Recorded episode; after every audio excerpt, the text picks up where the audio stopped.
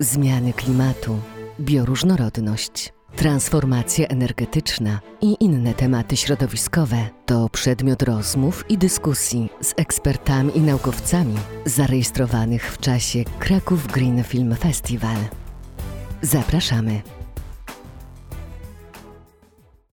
Dyskusja wieczoru, panel e, zatytułowany Aktywizm klimatyczny, wybór czy obowiązek. E, to jest panel, mm, który został zainspirowany filmem Jestem Greta i zapraszam na scenę naszych panelistów, ale najpierw może właśnie miejsca dla nich. Nasi wolontariusze jak zwykle służą tutaj pomocą w tej kwestii, noszą ciężary, dziękuję wam. Będziemy rozmawiać aż do godziny 21, o której będzie można zobaczyć film Misja Klimat. Jest to ostatni film dzisiejszego wieczoru, także zapraszam, zostańcie z nami. Cały czas miasteczko festiwalowe funkcjonuje. Gdybyście byli głodni, spragnieni, zapraszamy. Gdyby wasze psiaki potrzebowały wody, to też oczywiście mamy miski, e, które, którymi chętnie się podzielimy żeby nasze, nasi czworonośni przyjaciele nie byli spragnieni. Krzesła są, brakuje nam tylko naszych gości. W takim razie zapraszam ich na scenę. Pierwszą zapraszam panią Ewę Caus, pełnomocniczkę prezydenta miasta Krakowa do spraw edukacji klimatycznej. Proszę o brawa. Przekazuję, a już jest mikrofon, w takim razie przekażę kolejnej osobie, a będzie to Kamil Wyszkowski, dyrektor wykonawczy United Nations Global Compact Network Poland. Kamil, zapraszam. A tu jeszcze wchodzimy z wodą. Lola Ulik, przedstawicielka młodzieżowego strajku klimatycznego. Zapraszam cię. Kamil, mikrofon dla ciebie. I pan Mateusz Jurczyk, American Chamber of Commerce. Zapraszam. Moi drodzy, ja chciałabym rozpocząć to spotkanie cytatem z filmu, który właśnie zobaczyliśmy. Ludzie są chorzy, ludzie umierają, a wy potraficie tylko mówić o pieniądzach i snuć fantazję o nieskończonym wzroście gospodarczym. Jak możecie? Młodzi ludzie zaczynają rozumieć waszą zdradę i nie pozwolimy wam od tego uciec. To były słowa e, Grety Thunberg, które przed chwilą padły w filmie i wpadły też na szczycie klimatycznym w Nowym Jorku. Greta jest prawdopodobnie najsłynniejszą aktywistką klimatyczną e, na świecie, chociaż młodych ludzi działających dla klimatu jest coraz więcej. I dzisiaj porozmawiamy między innymi o tym, czy to jest dla nich wybór, czy już obowiązek i czy w tych czasach możemy jeszcze pozwolić sobie na to, aby nie dbać o naszą planetę. I chciałabym takie pytanie na początku skierować do wszystkich naszych panelistów. To znaczy, czy w XXI wieku możemy jeszcze pozostać neutralni wobec zmian środowiskowych, obserwować, ale nie działać. I czy aktywizm klimatyczny to jest jeszcze wybór, czy już obowiązek? Pani Ewo.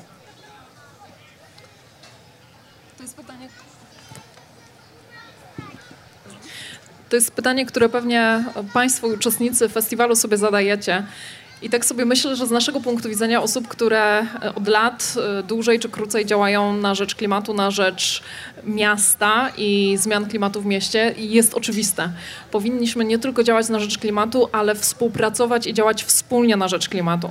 I ta wartość współpracy jest dla mnie szalenie ważna. Mm, pewnie, będąc tutaj dzisiaj, Państwo oglądacie filmy, słuchacie wypowiedzi, które e, tutaj ze sceny padają i rodzi się w Was myśl, co możecie zrobić sami.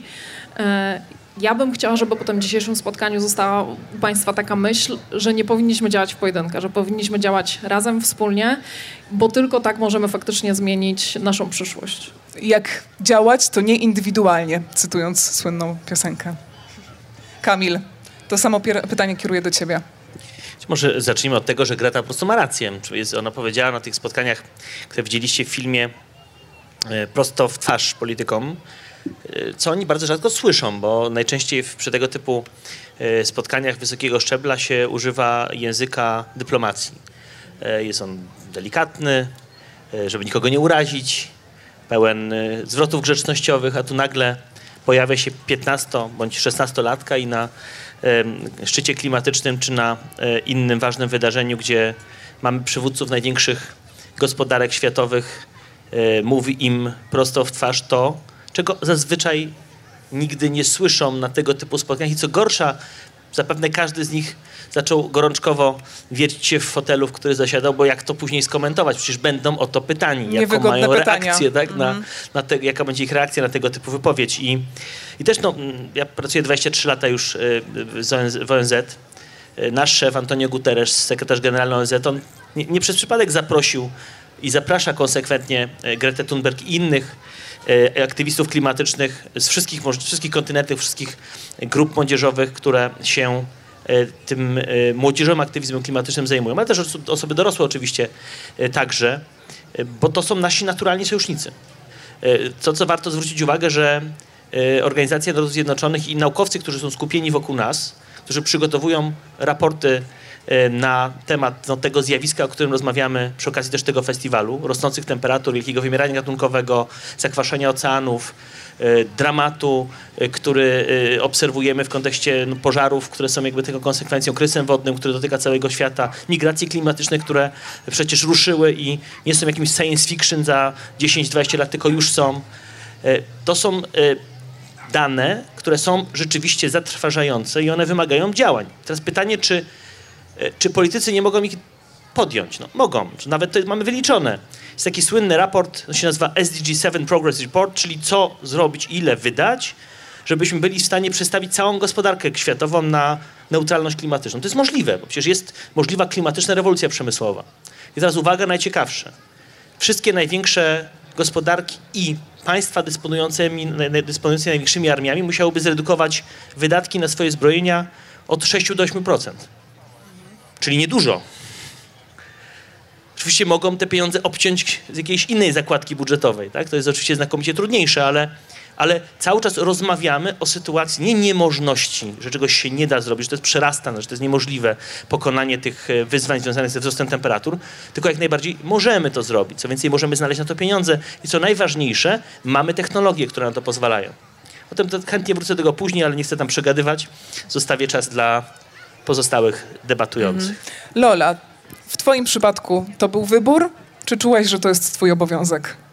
No, zdecydowanie według mnie był to obowiązek, e, bo ja też byłam wychowywana w taki sposób, że, e, że jakby jeżeli coś się dzieje, to trzeba na to reagować, a w sytuacji, w której widzimy, że mo- politycy mogą to zrobić i mogą naprawić jakby sytuację, w której się teraz znajdujemy i tego nie robią, czuję, że po prostu jakby nie da się zostać biernym i po prostu patrzeć na to, jak świat po prostu zatacza się jakby do końca.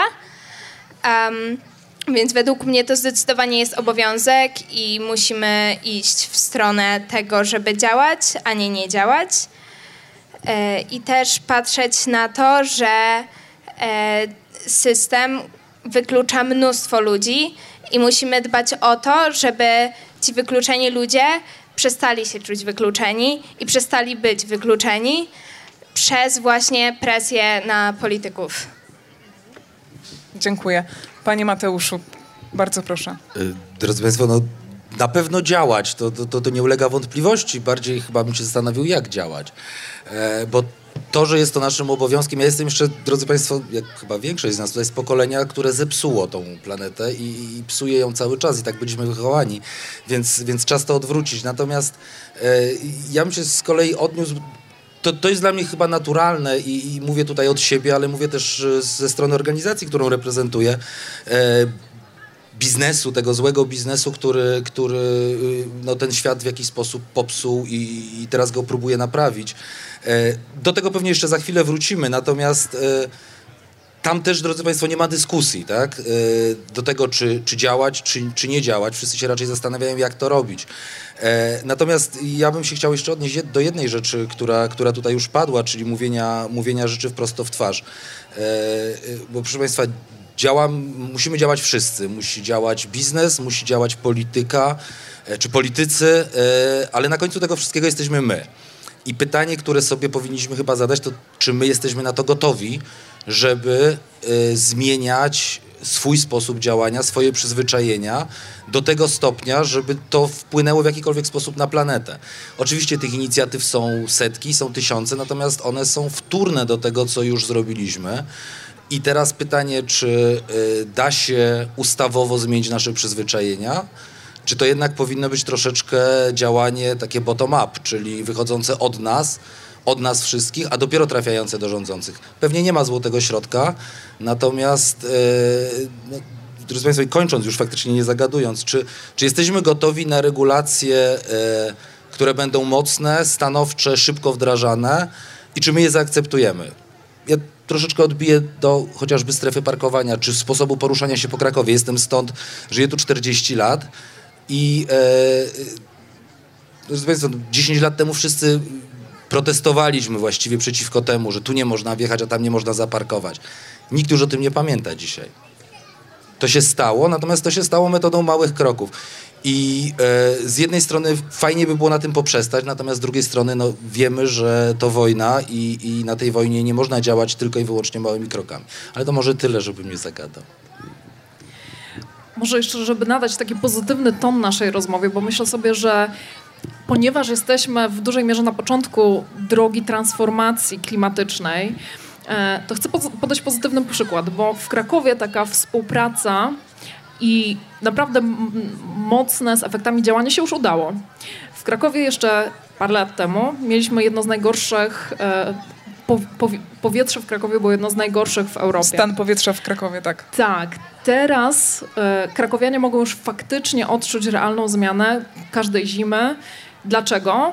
Dlatego, że wszystkie środowiska, czyli i miasto, i e, władze decyzyjne, które podjęły odpowiednie akty prawne, i mieszkańcy, aktywiści, którzy bardzo mocno zaangażowali się w tę zmianę, zadziałali razem. E, to się udało, wiedzieliśmy jaki jest problem, mm, co trzeba zrobić i to zostało zrobione. To nie jest tak, że w temacie klimatu będzie inaczej. Możemy zrobić, pójść dokładnie tą samą drogą. Jestem przekonana, że to może skończyć się sukcesem dla nas wszystkich. Pani Ewo, e, skoro pani jest przy głosie, to ja pociągnę temat. Jak w takim razie rozmawiać z ludźmi na temat ekologii i kryzysu klimatycznego? Jak przekazywać w dobry sposób wiedzę tak, żeby oni realnie mogli podjąć jakieś działania? No właśnie. My w Krakowie wiemy, że same twarde działania nie wystarczą. Musimy się zmieniać na poziomie świadomości. Stąd pomysł miasta na to, żeby dosyć mocno włączyć się w coś, co nazywamy edukacją klimatyczną, skierowaną do um, osób w każdym wieku, bo przez kilka lat edukowaliśmy dzieciaki i młodzież w naszych szkołach, ale to wiemy, że to nie wystarczy. E, stąd pomysł na edukację skierowaną do mieszkańców w różnym wieku, która dzieje się też tu na festiwalu. Oprócz tego wszystkiego, co na scenie głównej. I myślę, ogromna dawka e, wiedzy, nowych pomysłów, też takiej pozytywnej energii właśnie na rzecz działania dla klimatu. Jest tuż obok namiot miejski, w którym zaproponowaliśmy w tym roku cały szereg właśnie takich zadań informacyjnych, edukacyjnych w takiej formie festiwalowej. Jutro gra, w której będziemy chcieli się zastanowić, co dla klimatu możemy wspólnie zrobić. No i to jest pomysł, który chcemy realizować, czyli nie taka edukacja rozumiana w sposób formalny, ale właśnie poprzez kulturę, poprzez um, wszystkie tego typu działania, tak jak tu teraz, które możemy wspólnie um, uczyć się i myślę też wymyślać nowe rzeczy, których potrzebujemy, bo to nie jest tak, że klimat, e, że, że wszystko o klimacie już wiemy, wiemy co zrobić. Dużo rzeczy jeszcze przed nami do wymyślenia i do wspólnego zastosowania. Niepodręcznikowa wiedza to jest. Wiedza zdobywana na festiwalu to jest wiedza, którą przekazują nam też artyści. I wydaje mi się, rozmawiałam ostatnio z jedną z naszych jurorek, panią Ewą Ewart, która kręci film. E, bohaterem jej nowego filmu jest właśnie artysta. I on powiedział takie zdanie, że jemu się wydaje, że ludzie już nie słuchają naukowców, nie słuchają dziennikarzy, ludzie słuchają artystów. Jak Państwo myślą, czy faktycznie artyści mają teraz taką rolę aktywistów? Kamil, uśmiechasz się, więc skieruję to do ciebie. Czy na pewno mają więcej e, fanów na Instagramie czy w innych miejscach niż niektórzy politycy? To na pewno. Czy niektórzy influencerzy e, mogą naprawdę sporo e, osiągnąć, wykorzystując swoje zasięgi w dobrym celu. No na pewno media społecznościowe też są kanałem do promocji tak, tak, no, jasne, no, też no, przecież znowuż jak wrócę do tego matecznika, tak, czy jeżeli patrzymy na Organizację Narodów Zjednoczonych, to i u nas mamy tych ambasadorów tej dobrej zmiany na, na, na rzecz ochrony klimatu. Chyba najsłynniejszym jest Leonardo DiCaprio. Najwięcej rzeczywiście robi, ale no jest cała długa lista aktorów, artystów, muzyków, kompozytorów, którzy jakby stoją za nami. No i chyba, znaczy, ja jednak nie zmienię zdania. Dla mnie naj, naj, najbardziej e, jednak e, wspaniałymi postaciami są naukowcy, bo o nich się najwię- najmniej mówi. A to oni jakby dają nam tą, e, tę siłę argumentów e, wiedzy, nauki, która pozwala nam niekiedy przekonać, e, a przynajmniej podać kontrargument na e, jakiś mit klimatyczny czy niewiedzę, która pada z ust takiego czy innego polityka czy, czy zwykłego Kowalskiego.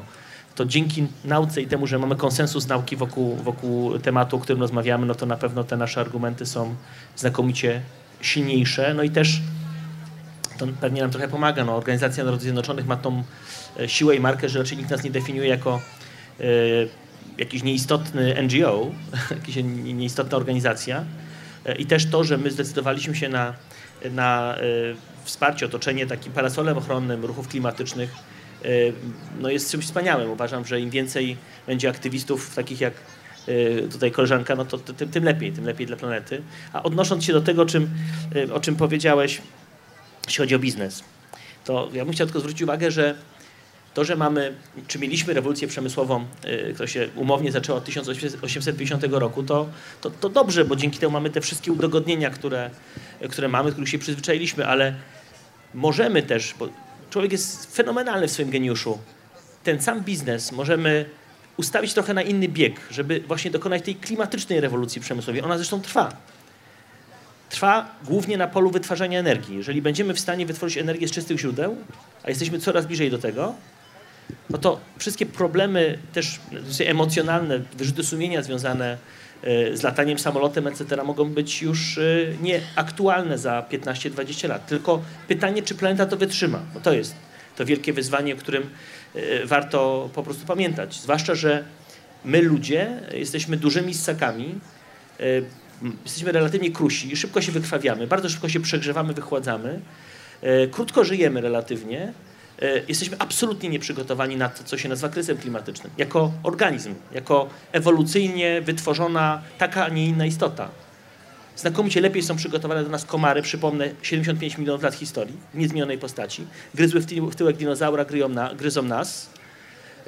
I, I takich organizmów, które mają się znacznie lepiej od nas, jest więcej. I przypomnę raz jeszcze, żeby trochę pokory ta nasza, w tej naszej dyskusji i trochę przestrzeni dla niej było, no ta nasza planeta ma te 4,6 miliardy lat historii. My jesteśmy tutaj mgnieniem powieki, mgnienie, mgnienie powieki, niecałe 200 tysięcy lat ostatnie.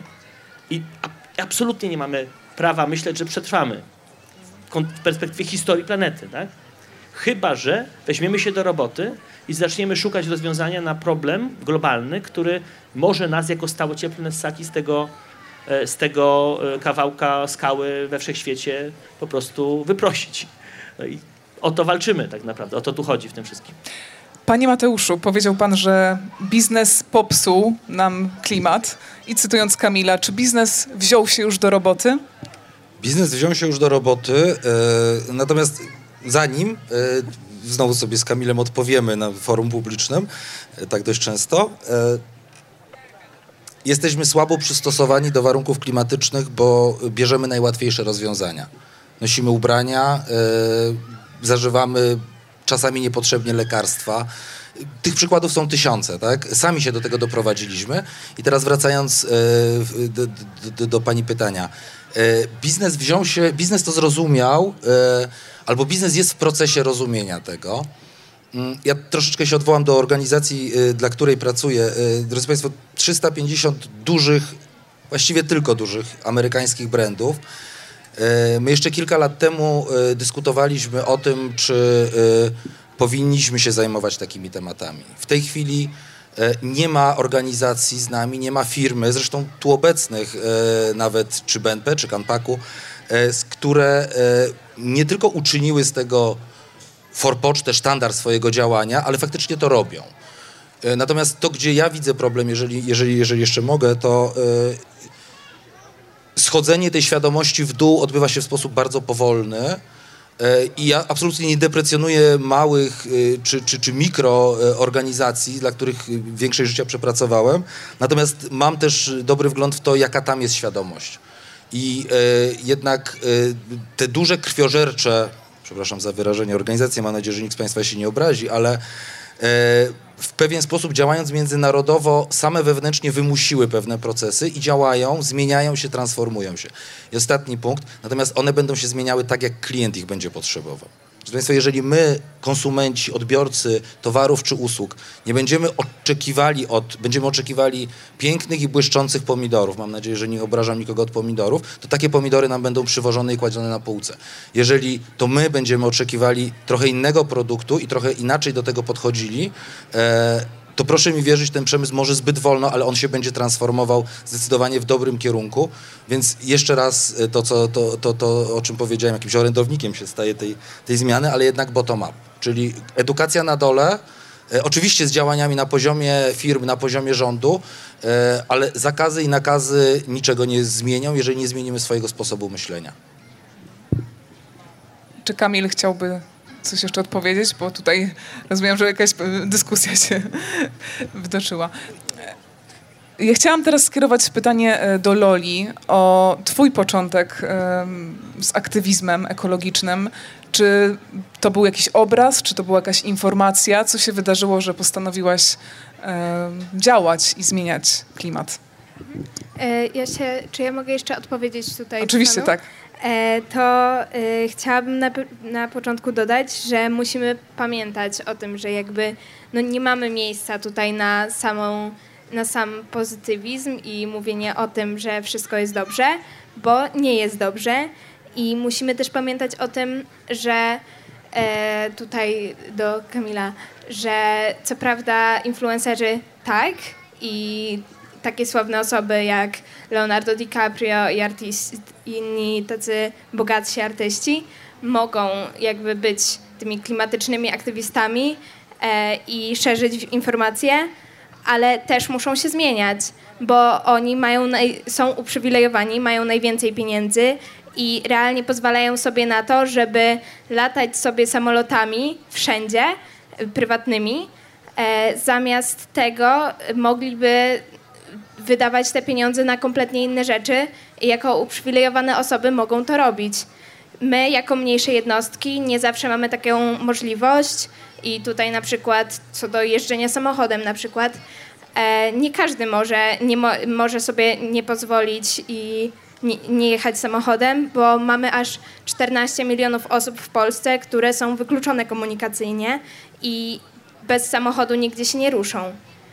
Um, Dalej też chcę powiedzieć, e, że nie możemy iść z klimatem wolno, bo już teraz jest źle i nie możemy i musimy wprowadzać coraz to radykalniejsze zmiany, czy, czy, czy tego chcemy, czy nie, e, chociażby przez zmianę energetyki, e, co jest możliwe i musimy o tym pamiętać. no i już odpowiadając na pytanie, to mój aktywizm się zaczął w ten sposób, że e, od małego mój tata mi dużo mówił o klimacie, a później e, wziął mnie na strajk młodzieżowego strajku klimatycznego właśnie w 2020 roku i gdzieś wtedy mi się zapaliła taka lampka, że to jest super, że chciałabym to robić, że no tak naprawdę powinnam to robić. E, I później poszłam na po prostu spotkanie wprowadzające dopiero w 2021 roku. E, no i w ten sposób od razu się wkręciłam i zaczęłam działać jak najwięcej się da tak naprawdę. E, I od tego czasu właśnie działam. Ja rozmawiając z aktywistami ekologicznymi, słyszałam od nich dosyć często takie przemyślenie, że czują frustrację. Czują frustrację, bo wydaje im się, że za swojego życia nie zobaczą efektów swoich działań. Czy ty też masz takie emocje w sobie? No, zdecydowanie często się to zdarza. E, ja staram się myśleć takim, takim tokiem nadziei i tym, że, że uda nam się coś zdziałać, ale nie zawsze jest to takie proste, bo aktywizm to jest mnóstwo wyrzeczeń, mnóstwo godzin pracy i czasem, kiedy się nie udaje, a najczęściej się jednak nie udaje ostatnimi czasy przez to, jak politycy nas słuchają i jak przekręcają nasze słowa, e, I czasem mam taką myśl, że nie wiem, czy zobaczę te zmiany, które nadejdą, ale staram się zawsze myśleć, że, że, że może się jeszcze uda i może coś się w końcu zmieni. Czyli w Twoim przypadku to nadzieja była tym czynnikiem, który powodował, że zaangażowałaś się w sprawy klimatu. Nie strach na przykład, bo wydaje mi się, że strach też może nas popychać w pewien aktywizm. No, ja zaczęłam od poczucia strachu i złości na polityków i na to, co się dzieje i jak świat się zatacza w złą stronę. E, ale strach jest emocją, która e, pchnie to w takim kierunku, gdzie po prostu wypala. Więc jakby trochę przearanżowałam moje emocje i dalej jestem zezłoszczona na to, co się dzieje i dalej jestem zła na polityków ale staram się coraz bardziej myśleć tą nadziejową stroną i gdzieś tam tą nadzieję zyskiwać poprzez na przykład właśnie patrzenie i bycie w środowiskach, które mnie wspierają, gdzie ludzie się kolektywizują i gdzie wszyscy o siebie dbamy i wiemy, że jesteśmy razem. Kamil, jaki rodzaj narracji poświęconej kryzysowi klimatycznemu dominuje w Polsce, jaki dominuje w Europie i jak Polska na tle tej Europy wypada? Zanim przejdę do tego, to nawiążę do, do, do założenia. Proszę bardzo, to jest dyskusja. E, Bo, bo te początki e, aktywizmu, one mają bardzo różne źródła i w ogóle wszystkich Państwa zachęcam do tego, żeby się tak trochę rozejrzeć dookoła i zastanowić się, co możecie zrobić. Tak? Teraz mamy e, no, potężną suszę. Każdy z Was może na swoim balkonie czy przed swoim domem wyłożyć miseczkę z wodą. Absolutnie prosta sprawa. Pytanie, czy ktoś z Was to zrobi? No na pewno możecie ułatwić życie ptakom czy jakimś małym, y, czy nawet jeżowi jakiemuś, który tam do Was przytupta. A może to jest pytanie do naszej publiczności? W sensie zachęcam, żebyście to zrobili, bo to na pewno Albo można. kto tak robi, proszę E, Państwa? W ramach... e, Widzę jedną rękę. No super, no gratulujemy. Jest jedno ale, ale więcej? to, jak ktoś tego nie robi, to zacznijcie, O, nie? Bo, brawo, brawo dla Was. bo wróble, szpaki i cała długa lista ptaków absolutnie nie potrafią odkręcić krana, kranu z wodą. To my możemy zrobić. Więc zróbmy to i im, im tą wodę dajmy, bo susza hydrologiczna jest potężna. W ogóle w Polsce susza trwa od 7 lat nieprzerwanie, a Polska jest objęta kryzysem wodnym i to mówi nauka. Mamy Water Stress by Country, raport, który pokazujemy co roku w ramach systemu ONZ, gdzie Polska jest na żółto i, się, i miga. Tak? Jest bardzo źle u nas, jeśli chodzi o zasoby wodne. Mamy 1600 m3 wody na mieszkańca, poziom uznawany za bezpieczny to jest 4000, średnia europejska 4700, najbogatsza woda jest Norwegia, ponad 7000 m3. Mamy 1600 od dekad. I to mówi nauka, tak? I o tym pewnie Państwo nie słyszeli. Też nie słyszeliście pewnie o tym w szkole, bo w, Polsce, w polskiej szkole nie ma edukacji klimatycznej.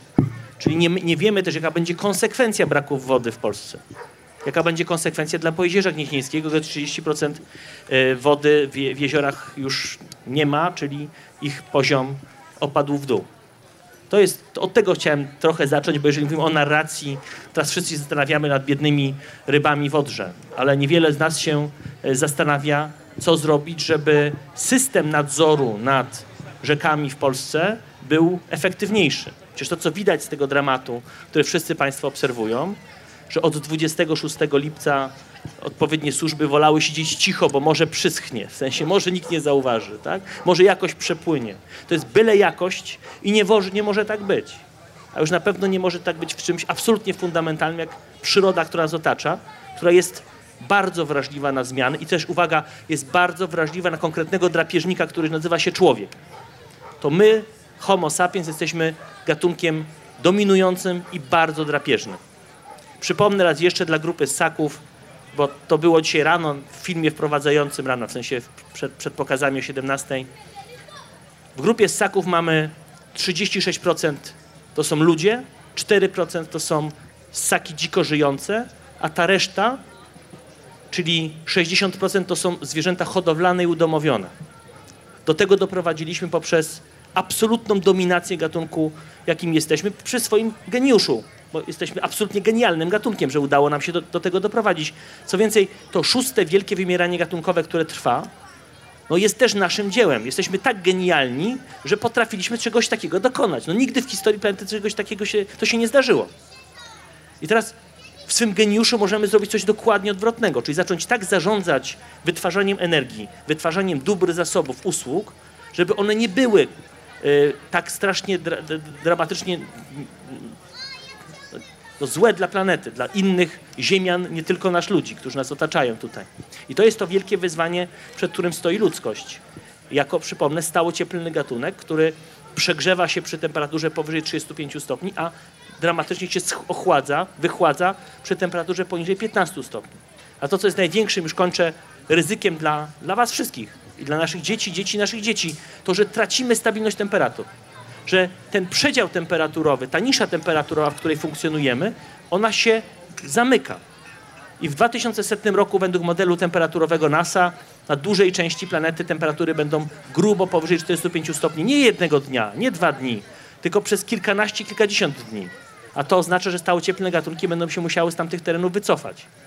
Konsekwencja migracyjna to będzie 2 miliardy ludzi i innych stałocieplnych organizmów, które będą musiały z tych terenów przejść gdzieś indziej.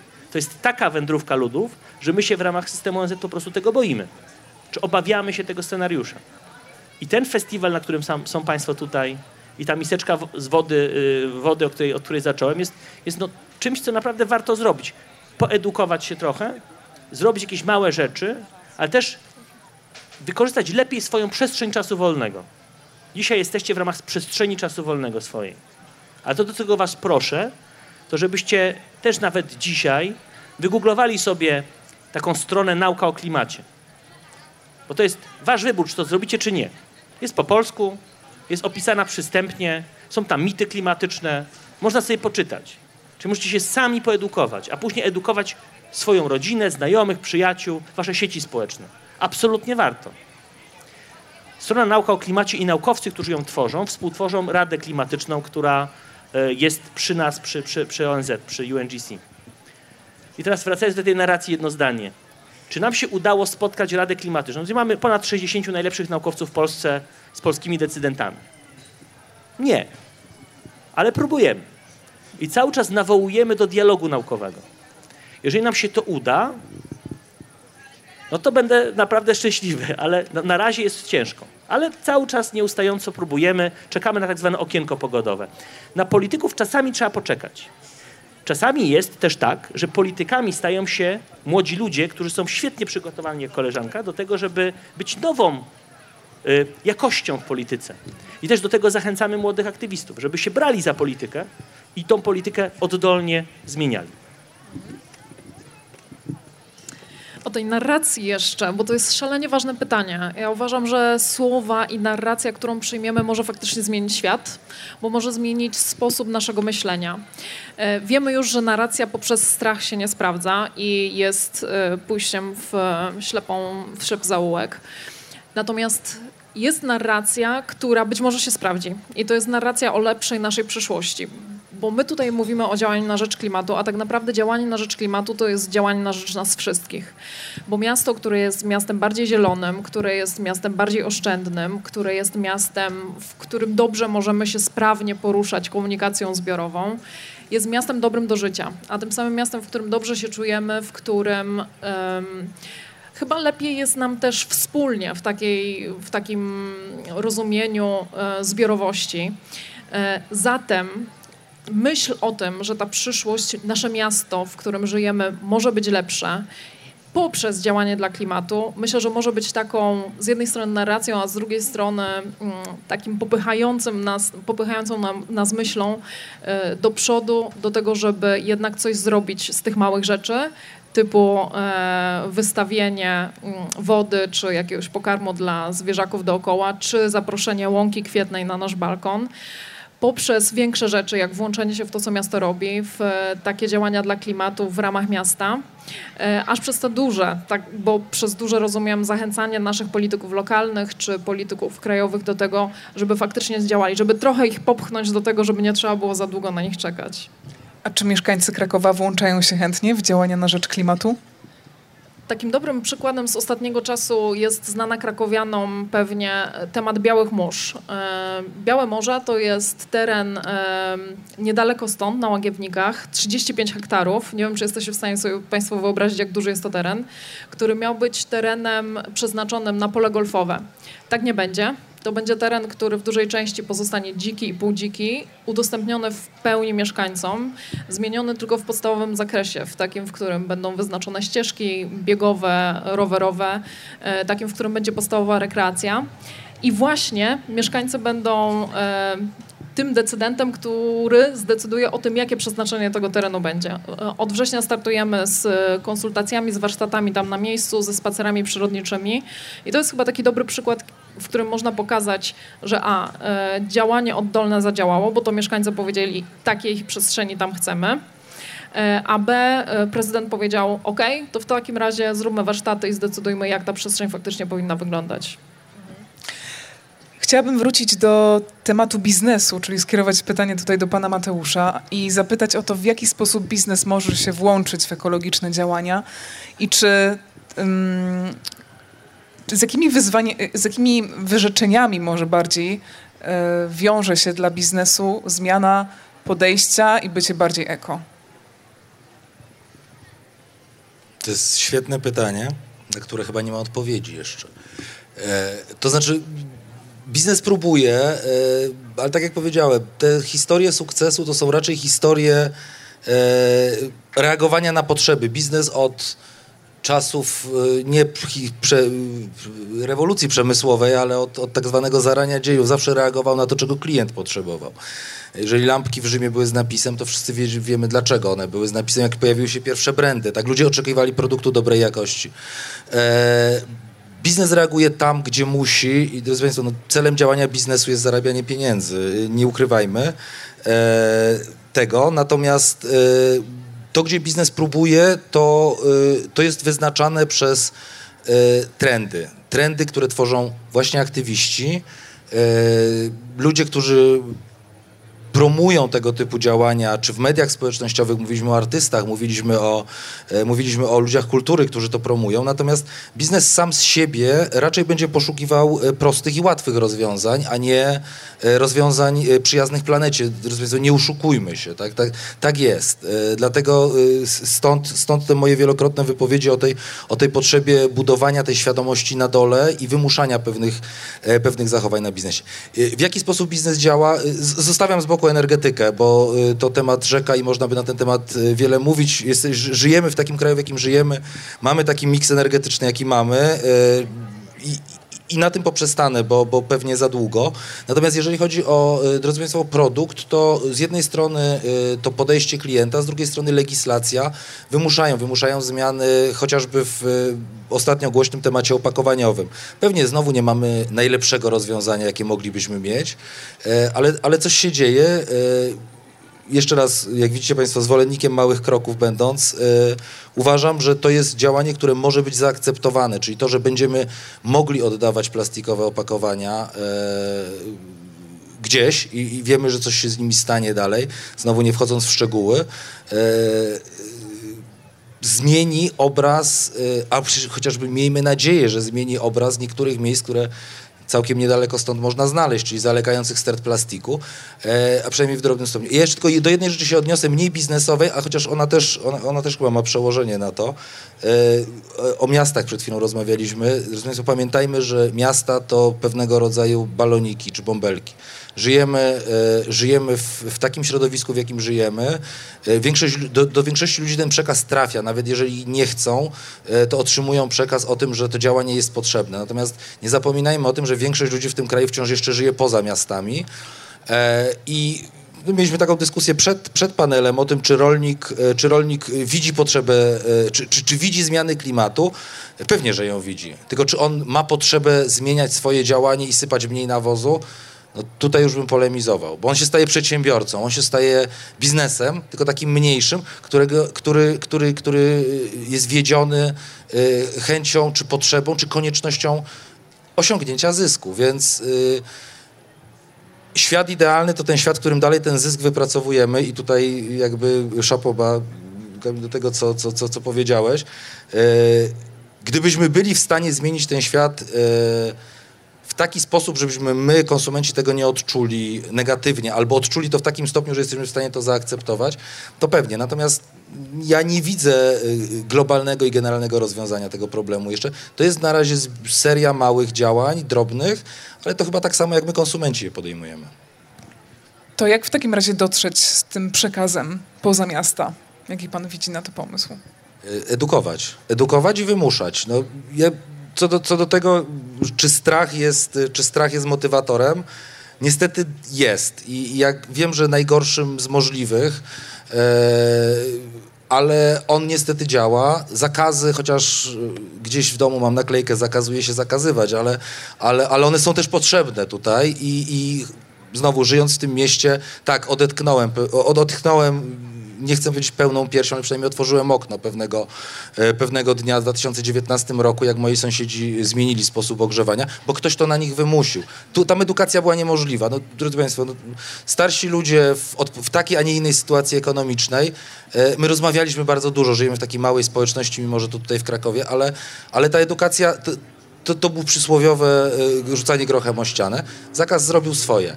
E, natomiast to, co się stało potem, wychodzący tam młody człowiek, który już nie może mnie słuchać, mój syn przyszedł któregoś dnia do domu, mając lat 8 i zapytał, po co targam taki wielki kloc drewna? Ja mówię, wiesz, zapalę, miło będzie, sympatycznie, ciepło się zrobi, ale nie jest na tyle zimno, żebyśmy się musieli dogrzewać. Więc wiecie, więc ja nie chciałbym z taką tezą nas tutaj zostawiać, że nasze pokolenie musi wymrzeć, żeby się to zmieniło, bo to smutne by było, ale, ale yy, no, na, pewno, na pewno trochę w tym prawdy jest, że jednak ta edukacja rozpoczęta w odpowiednim momencie, na odpowiednim poziomie, yy, daje dużo lepsze efekty yy, niż, yy, niż, niż, niż, niż takie edukowanie ludzi, którzy, którzy mają te swoje przyzwyczajenia i, i które jest trudno zmienić.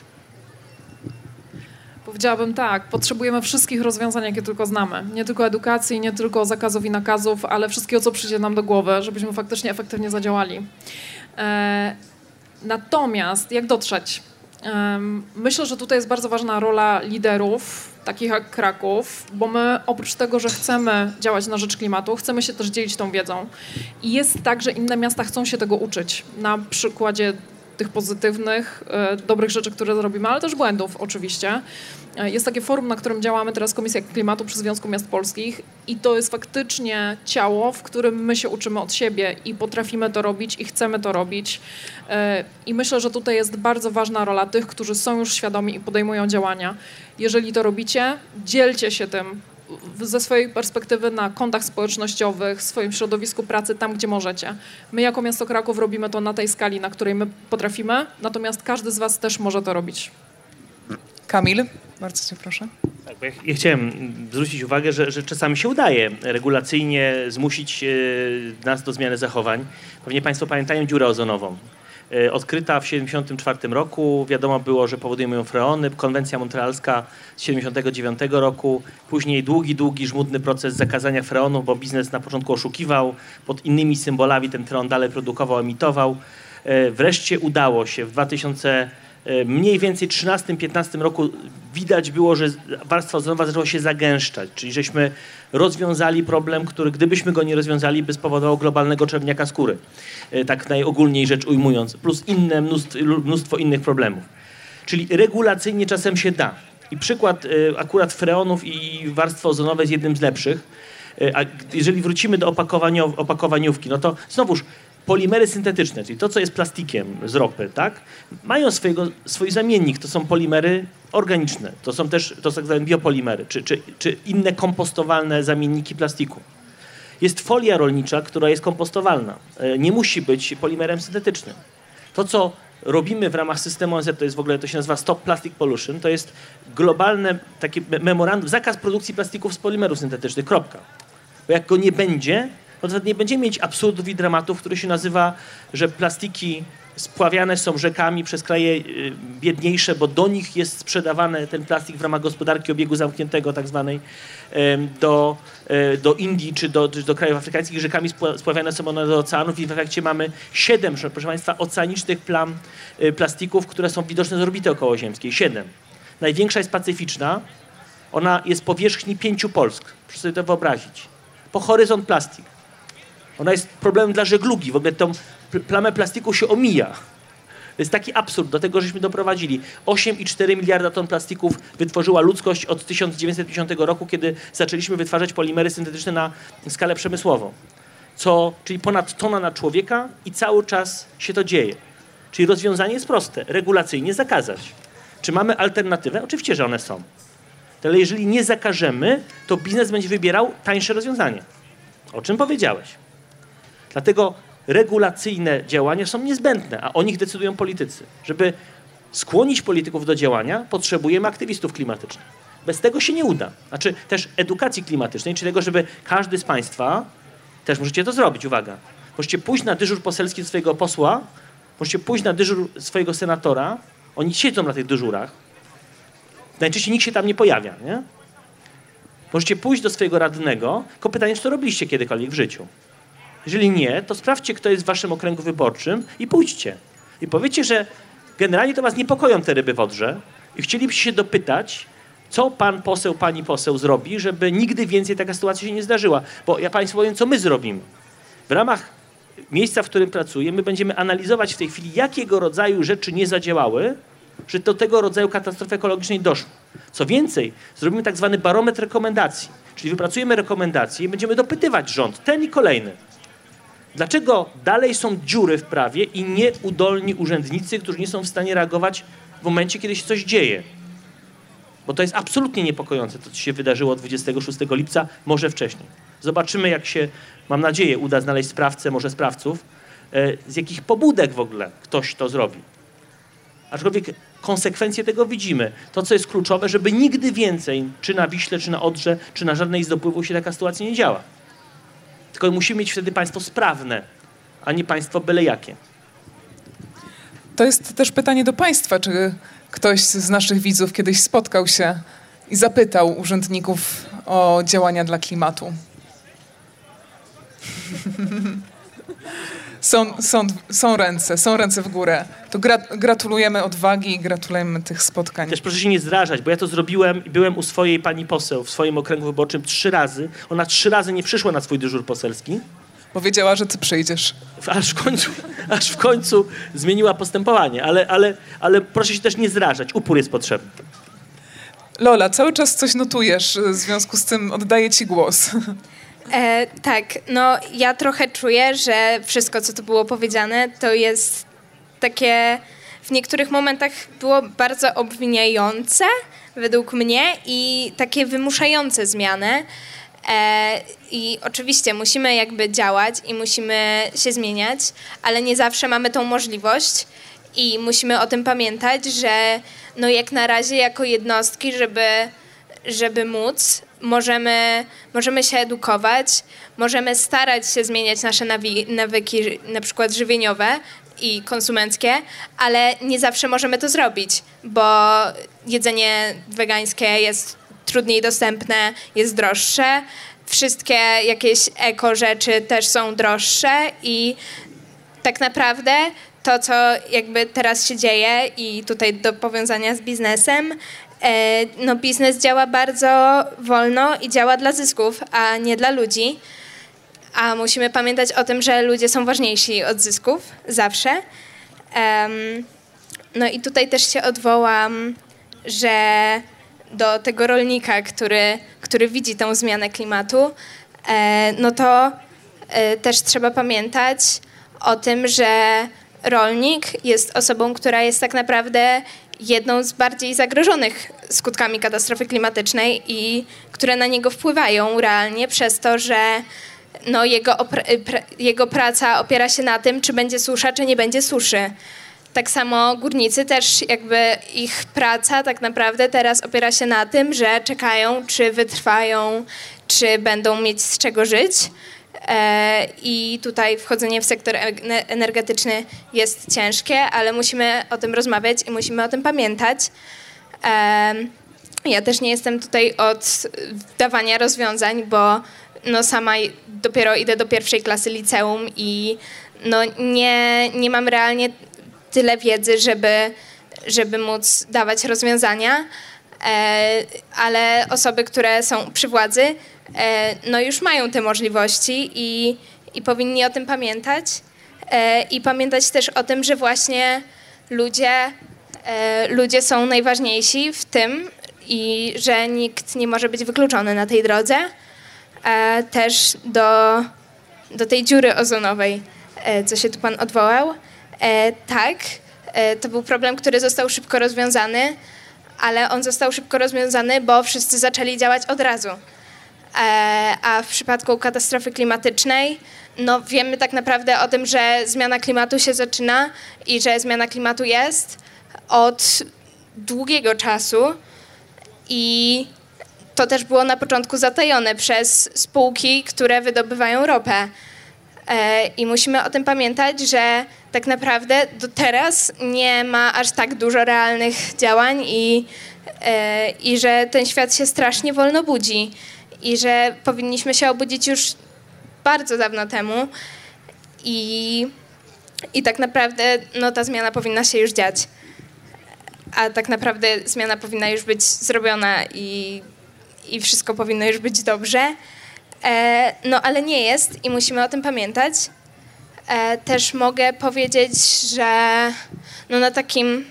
Mm, o, y, tutaj mogę powiedzieć, że też dostałam na początku y, w mailu takie pytanie, e, co może zrobić młodzież, dorośli, samorządowcy i rządzący, żeby nie przenosić odpowiedzialności na innych. I no, jak dla mnie najważniejsze jest to, że młodzież i dorośli nie mogą zmuszać kogoś do, do zmiany, bo jeżeli ktoś może zmienić swoje nawyki, to jest to super, ale jest to osoba uprzywilejowana, która może to zrobić, a jeśli ktoś tego nie robi, to też musimy to zaakceptować, bo po prostu nie ma realnie możliwości i dopóki, dopóki jakby system wyklucza mnóstwo osób, musimy pamiętać, że dopóki taki system mamy i nie jest on zmieniony, to wykluczone osoby nie zmienią się na bardziej jakby zielone i nagle nie zaczną, nie zaczną robić rzeczy, kiedy, kiedy po prostu nie mogą, bo, bo nie mogą. Um, Czy Tak. coś jeszcze? I, I tak może do samorządowców i rządzących, e, no to uważam, że jakby to jest taki mój głos trochę, ale ważne jest, żeby przestać kłamać, przestać obwiniać niewinne osoby i, i w końcu zacząć tą zmianę systemu, która wyklucza wszystkich i szkodzi bardziej niż, niż na przykład niezgaszone światło w pokoju. E, tak. Słuchajcie, niewiele czasu nam zostało. Chciałem tylko powiedzieć amen, e, bo to, co powiedziałaś, było naprawdę rewelacja. Zwróćcie jest, uwagę, brawa że... były nieśmiałe, po- ale- Śmiało. Bardzo proszę. Zobaczcie, ósma klasa podstawówki. E, Ja pa- pamiętam, co robiłem w ósmej klasie podstawówki. Na pewno nie to. I, i naprawdę rewelacja, tak? Bo, bo, bo, bo to, czego się boją politycy, to po pierwsze, oni się boją Grety i boją się osób takich jak ty. Dlaczego? Bo niedługo będziemy mieć potężną e, broń, która się nazywa kartka wyborcza. A to, czego się jeszcze bardziej boją, to edukacji klimatycznej. Bo jeżeli nam się uda wyedukować całe społeczeństwo w ramach systemu edukacji na temat z- zjawiska, o którym mówimy, czyli o zmianie klimatu, no to kompletnie inne będą y, oczekiwania względem decydentów na różnych poziomach. I to jest absolutnie najważniejsza rzecz, którą y, powinniśmy zrobić i, no, i robimy y, w Polsce. Trwa y, okrągły stół dla edukacji klimatycznej. Tworzymy go od dwóch lat.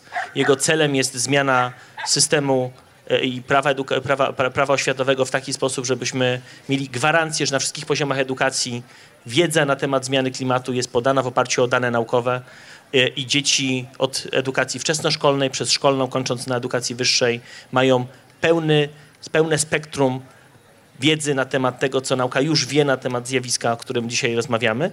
E, I na koniec jeszcze jedną rzecz, która, mm, która mm, wydaje mi się y, powinna być mocniej wyartykułowana. No właśnie politycy nie powinni kłamać.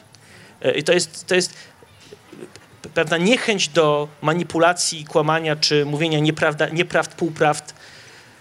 To jest coś, co uzdrowi, mam wrażenie, politykę, jeżeli się na to ona w końcu kiedyś zdecyduje. jest takie niestety y, prawdziwe zdanie w książce y, Dyplomacja takiego znanego dyplomaty Henry'ego Kissingera, że dyplomacja to, to sztuka hipokryzji. Polityka także. Byłoby genialnie, gdy przestała nią być. Wtedy rzeczywiście wiedza o zmianie klimatu i świadomość badań naukowych i tego, co jest po prostu zwyczajnie naukowo udowodnione, przeliczone, y, poddane do publicznej wiadomości, no, mogłaby być y, z otwartą przyłbicą podawana społeczeństwu, nawet jeżeli to jest trudna prawda. I nawet jeżeli ona musiałaby gdzieś w konsekwencji doprowadzić do zmiany nawyków, do tego, że biznes musiałby się dostosować i ponieść koszty tego dostosowania się, że w konsekwencji mielibyśmy właśnie tą klimatyczną rewolucję przemysłową i mnóstwo, mnóstwo niefajnych, nieprzyjemnych rzeczy gdzieś w tle, włącznie z wyrzeczeniami. Ale jeżeli mówiliby sobie, mówilibyśmy sobie prawdę, to ten świat był po prostu zwyczajnie lepszym miejscem. I każdy by chyba w takim chciał żyć. I o tą prawdę prosimy w takim razie. Bardzo serdecznie Wam dziękuję. Proszę o brawa dla naszych gości. A był, byli nimi pani Ewa Całus, pełnomocniczka prezydenta miasta Krakowa do spraw e, edukacji klimatycznej. Dziękuję. Kamil Wyszkowski, dyrektor wykonawczy United Nations Global Compact Network Poland. Dziękuję Kamil. Lola Ulik, przedstawicielka Młodzieżowego Strajku Klimatycznego i pan Mateusz Jurczyk, American Chamber of Commerce. Dziękuję wam bardzo i zapraszam was na backstage. Jeszcze raz brawa.